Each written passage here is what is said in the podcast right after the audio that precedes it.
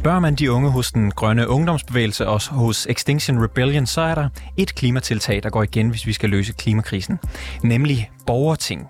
Et udvalg af almindelige borgere, som skal have demokratisk indflydelse på, hvordan Danmark skal udforme sin klimapolitik. Størrelsen kan variere, men tanken er, at op omkring 100 medlemmer skal gennem en længere periode sætte sig ind i et politisk område. Men er der ikke et gammelt ordsprog om, at for mange kokke fordærver maden? Hvis flere stemmer skal høres, bliver det så ikke sværere at tage de hurtige beslutninger, som der er behov for på klimaspørgsmålet. I sommerferien der kigger vi her i programmet nærmere på udfordringerne i Danmarks planer om at leve op til forpligtelserne i klimaloven, og derfor spørger rapporterne i dag om mere demokrati i virkeligheden kan redde os fra klimakrisen. Mit navn det er August Stenbrun.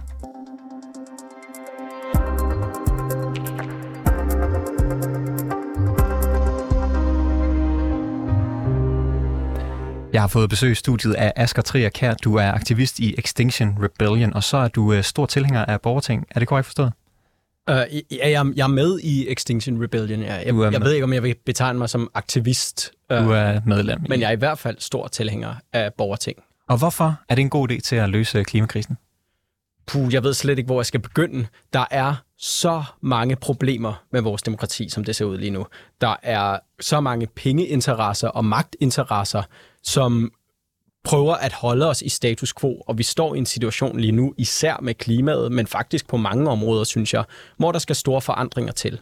Og du sagde i introduktionen, at øhm, det kan være svært at træffe hurtige beslutninger, hvis der er mange mennesker, der skal være henover. Men faktisk er det, vi har set omkring klimaborgertinget, det kommer vi tilbage til, øh, at de har været meget hurtige til at træffe nogle meget vidtgående øh, beslutninger, altså de har givet nogle meget vidtgående anbefalinger. Øhm, så, så på den måde kan det løse nogle af de problemer, vi har med vores demokrati, om faktisk ikke at kunne træffe de nødvendige beslutninger, og at der er meget få mennesker, der har alt, alt, alt for meget magt. Og øh, kan du lige sådan kort opfriske konceptet? Altså, kan du øh, forklare, hvad, hvem skal sidde i sådan et borgerting? Hvordan fungerer det? Mm. Du, du sagde ganske rigtigt, at det er cirka 100, måske 99, har man gjort tidligere borgere, der så bliver tilfældigt udvalgt. Så de er repræsentative for befolkningen øh, på baggrund, altså øh, på parametre som køn, øh, alder, øh, herkomst, så videre, øh, øh, by, land, bopæl og så videre, øh, og indkomst, meget vigtigt. Ikke også alle de her skæld, som, som gør os forskellige. Og de mødes så og får nogle oplæg af nogle eksperter og nogle politiske aktører omkring nogle emner, og så tager de et emne ad gang, og så diskuterer de det, og så er der nogle små grupper, de sidder i og finder frem til nogle løsninger, og så munder det ud i, at de alle sammen skal blive enige om en eller anden løsning, som de som fælles gruppe af mennesker øh, synes vil være den bedste løsning på et eller andet givet problem. Og det er jo så en masse mennesker, som ikke i forvejen ved nødvendigvis specielt meget om, om de her ting. De skal mm. jo så først sætte sig ind i det, og så komme frem til nogle ting, som de er enige om. Og ja. øh, du sagde før, at det faktisk kunne være endnu mere effektivt, end, øh, end som vi sagde i dag. Hvordan hænger det sammen? Jamen, det kræver mange ressourcer, det er rigtigt. Så effektivt er måske ikke det rigtige ord, men det kan gå ret hurtigt. Øhm, fordi vi skal investere noget mere i den samtale, der går forud for beslutningerne, og så skal vi investere noget mere i at få den samtale til at handle om alle de perspektiver, der er i politik, alle de mennesker, der bliver berørt af de beslutninger, vi tager, sådan så vi kan træffe nogle beslutninger, som ikke kun kommer fra et lille udsnit af befolkningen, som sidder i et lukket mødelokale og synes, om det her kunne da være en god idé. Øhm, og hvis vi, hvis vi gør det på den måde, så tror jeg, at, at folk kan blive ret enige om det. Det er i hvert fald det, erfaringerne viser omkring det her. Og øh, det er jo altså et, et, hvad kan man sige, et repræsentativt udsnit af, af danskerne, der så skulle stå mm. for det her.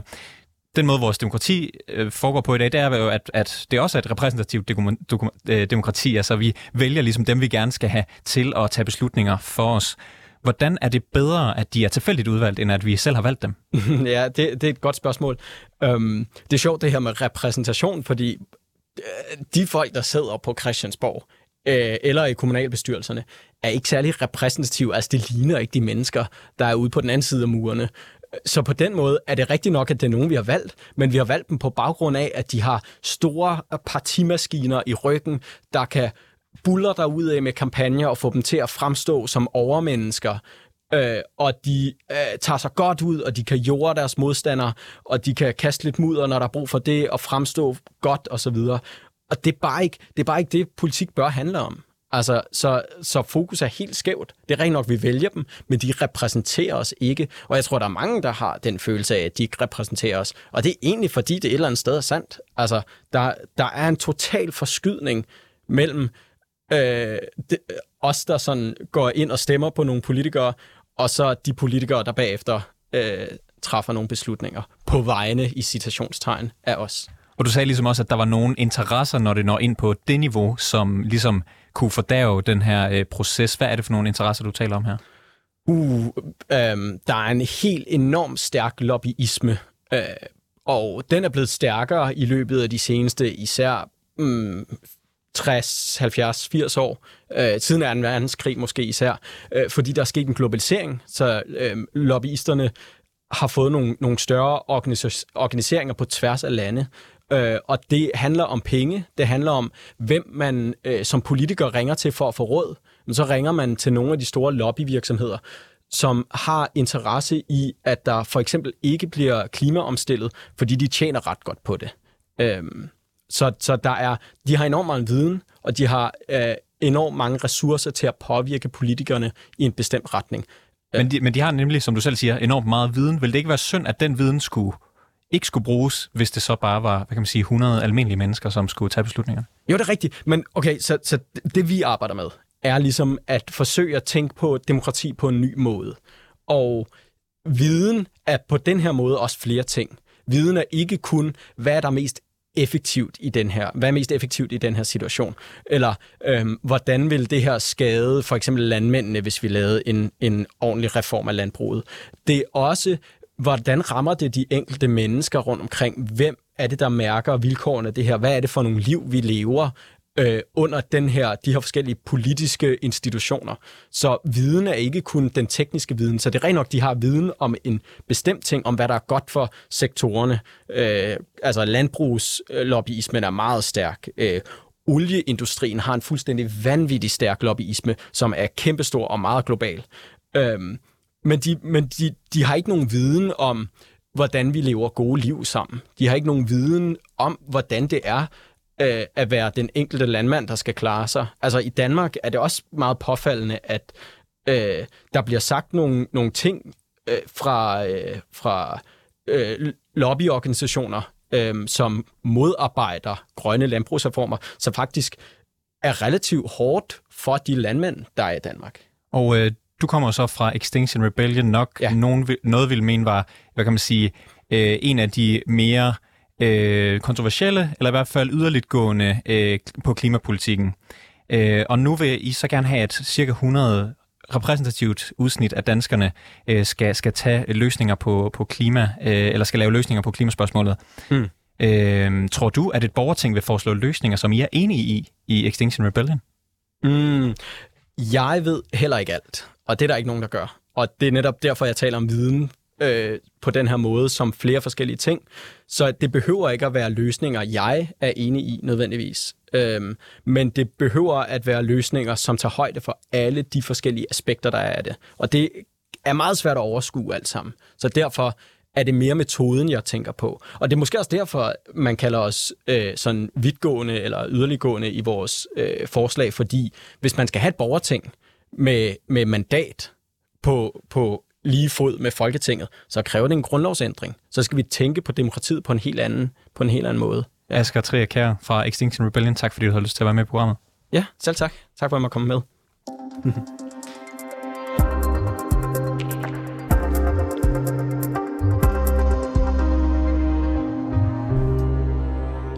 Så jeg byde velkommen til dig, Anders Blok. Du er lektor i klimasociologi på Københavns Universitet. Ja, god eftermiddag. Øh, hvad kan vi bruge sådan et borgerting til i et moderne demokrati? Altså, borgerting er jo grundlæggende øh, et tiltag til demokratisk fornyelse, kan man sige, ud fra en diagnose af, at, at det repræsentative demokrati udviser visse, visse træthedstegn. Øh, der er faldende partimedlemstal, det har været mange år. Der er måske dagsordner, der, der domineres lidt for meget af særinteresser og lobbyisme, som vi også hørte lidt om her i, i indslaget tidligere. Og, og på den måde kan man sige, at, at borgerting er et forsøg på at skabe en mere informeret og også mere tungvejende øh, stemme til øh, almindelige borgere i, i politiske beslutninger, som vedrører dem, og som på mange måder er kompliceret og kræver langrækkende øh, beslutninger. Så hvordan ville det ændre hvad kan man sige, de demokratiske beslutningsprocesser i Danmark, hvis vi fik indført et, et borgerting, der havde mandat på lige, måde, lige fod med Folketinget? Ja, altså man kan sige, det vil jo være en ret vidtgående ændring af vores demokratiske liv og institutioner, og, og på mange måder jo sådan øh, forandre en, en masse aspekter også af den demokratiske samtale, hvor, hvor borgerstemmerne vil, vil, vil få en større vægt. Altså man kan sige, det vi har set hidtil omkring, omkring borgerting i, i Danmark, det er jo langt mindre vidtrækkende. Det klimaborgerting, som, øh, som vi har haft siden, siden 2020, og som for alvor kom i gang i 2021, det har jo netop øh, haft et, et meget mere begrænset, kan man sige, mandat. Det har haft til øh, rolle ligesom at, at komme med forslag til det repræsentative politiske system, og som ligesom lagt op til at, at spille sådan en form for konsulterende rolle, kan man sige. Øh, men hvis man virkelig gik dertil, som grupper som Extinction Rebellion forestiller sig, så vil det selvfølgelig være en, en, en ret markant ændring af vores demokratiske liv. Er der nogen, det lyder meget godt, men er der nogen negative ting ved det her, ved sådan et borgerting?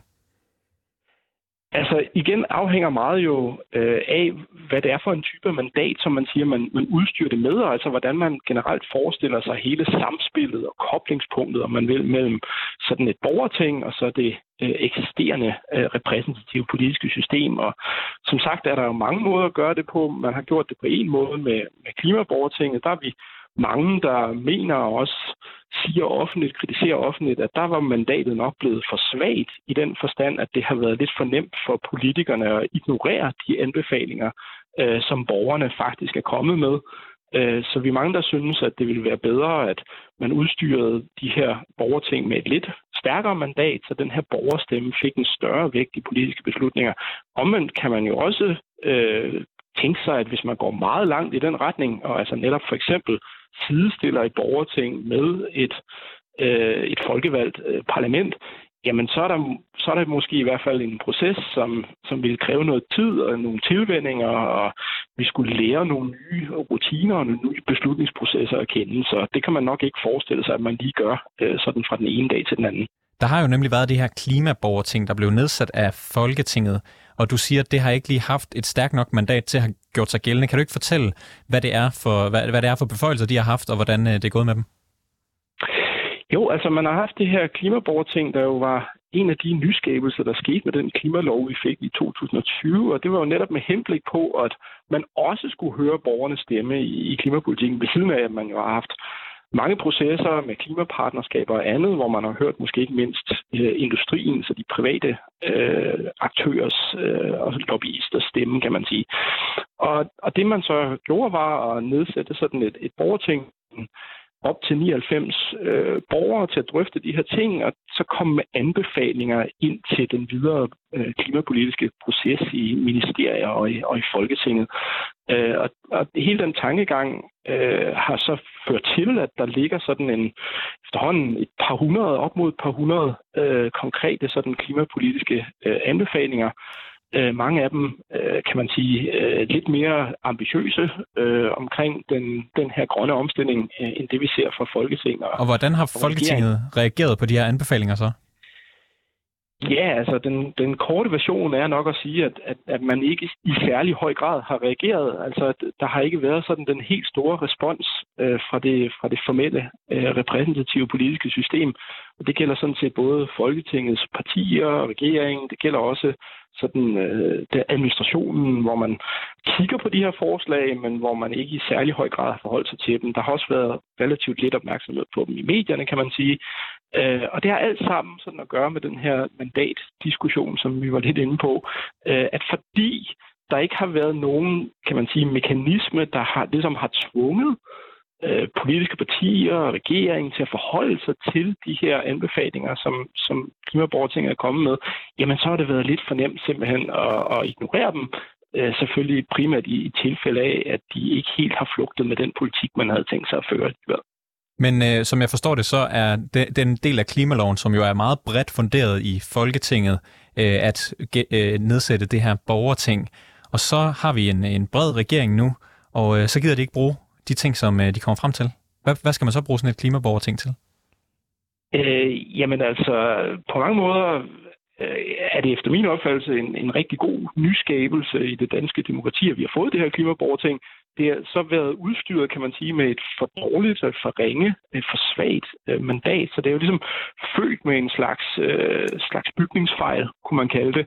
Øh, og derfor kan man ikke sådan, øh, på den baggrund vil jeg sige, øh, kan man sige, komme frem til en konklusion om, øh, hvad man skulle bruge det til fremadrettet, andet end at sige, at at hvis man skulle gøre den her proces igen, der er også politiske partier på Christiansborg, der mener, at man skulle have et permanent klimaborgerting for eksempel, ja, så ville det være vigtigt at udstyre det med et lidt stærkere mandat, sådan så det faktisk fik en rolle i de her øh, politiske beslutningsprocesser, og måske ikke mindst, at det faktisk påvirkede de demokratiske debatter omkring, hvad det er for en klimapolitik, der skal føres, eller måske en biodiversitetspolitik, kunne man også forestille sig. Og det er også en af de, kan man sige, potentialer, som borgerting har, at de kan gå ind og blive en vigtig stemme i offentlige debatter og give borgerne en, en stærkere stemme. Men det er ligesom et potentiale, som ikke er blevet indløst med, den, med de erfaringer, vi har gjort os i Danmark indtil videre. Så vidt jeg ved, så er der også flere borgerting rundt om i kommunerne i Danmark. Øh, har der været bedre erfaringer øh, på lokalplan med at lave borgerting?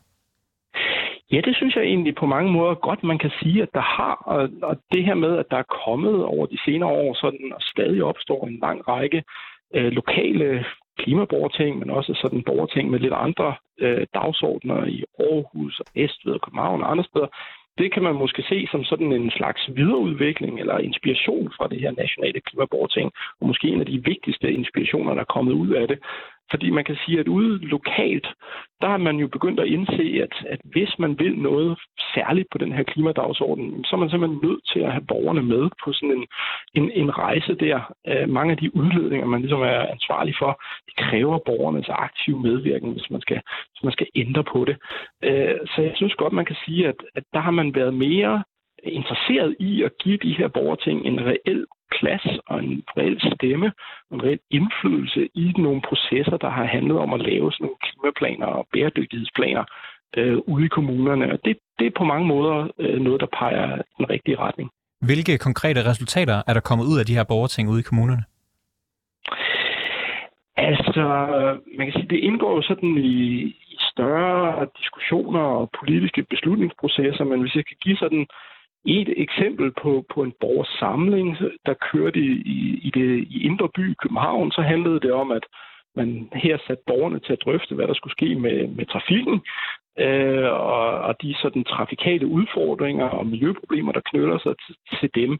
Øh, og der kom den her borgersamling med nogle sådan ret vidtgående anbefalinger sådan i retning af, at op imod tre fjerdedele af sådan privatbilismen i, i indre by skulle fortrænges. Øh, altså den skulle på en eller anden måde erstattes af andre typer af transportformer med forskellige typer af virkemidler, man så vil bruge til det. Øh, og det har været sådan en, kan man sige, en anbefaling, som har ligget og summet sådan i lokalpolitikken i København, og der har selvfølgelig været for og imod. Nu er der sådan efterhånden skabt en type af momentum omkring øh, de her anbefalinger, som så bliver indarbejdet i borgerrepræsentationen, og nu er man så på vej med noget politik, der i hvert fald går, som jeg forstår det, et stykke i retning af at, at indløse den her anbefaling. Det er sådan en type eksempel på, at det faktisk flytter noget ude på, ude på de lokale politiske dagsordner. Anders Blok, lektor i klimasociologi på Københavns Universitet. Tak fordi du har lyst til at være med. Selv tak. Det var alt for reporterne i dag. Tak fordi du lyttede med. Har du noget, som du synes, vi skal undersøge, eller har du ris eller ros til programmet, så kan du altid skrive til os på rapporterne 247dk Bag, dagens, bag dagens udsendelse var Jeppe Aumann Øvi og Jens Sillesen. Alexander Brøndum er redaktør, og mit navn det er August Stenbrun.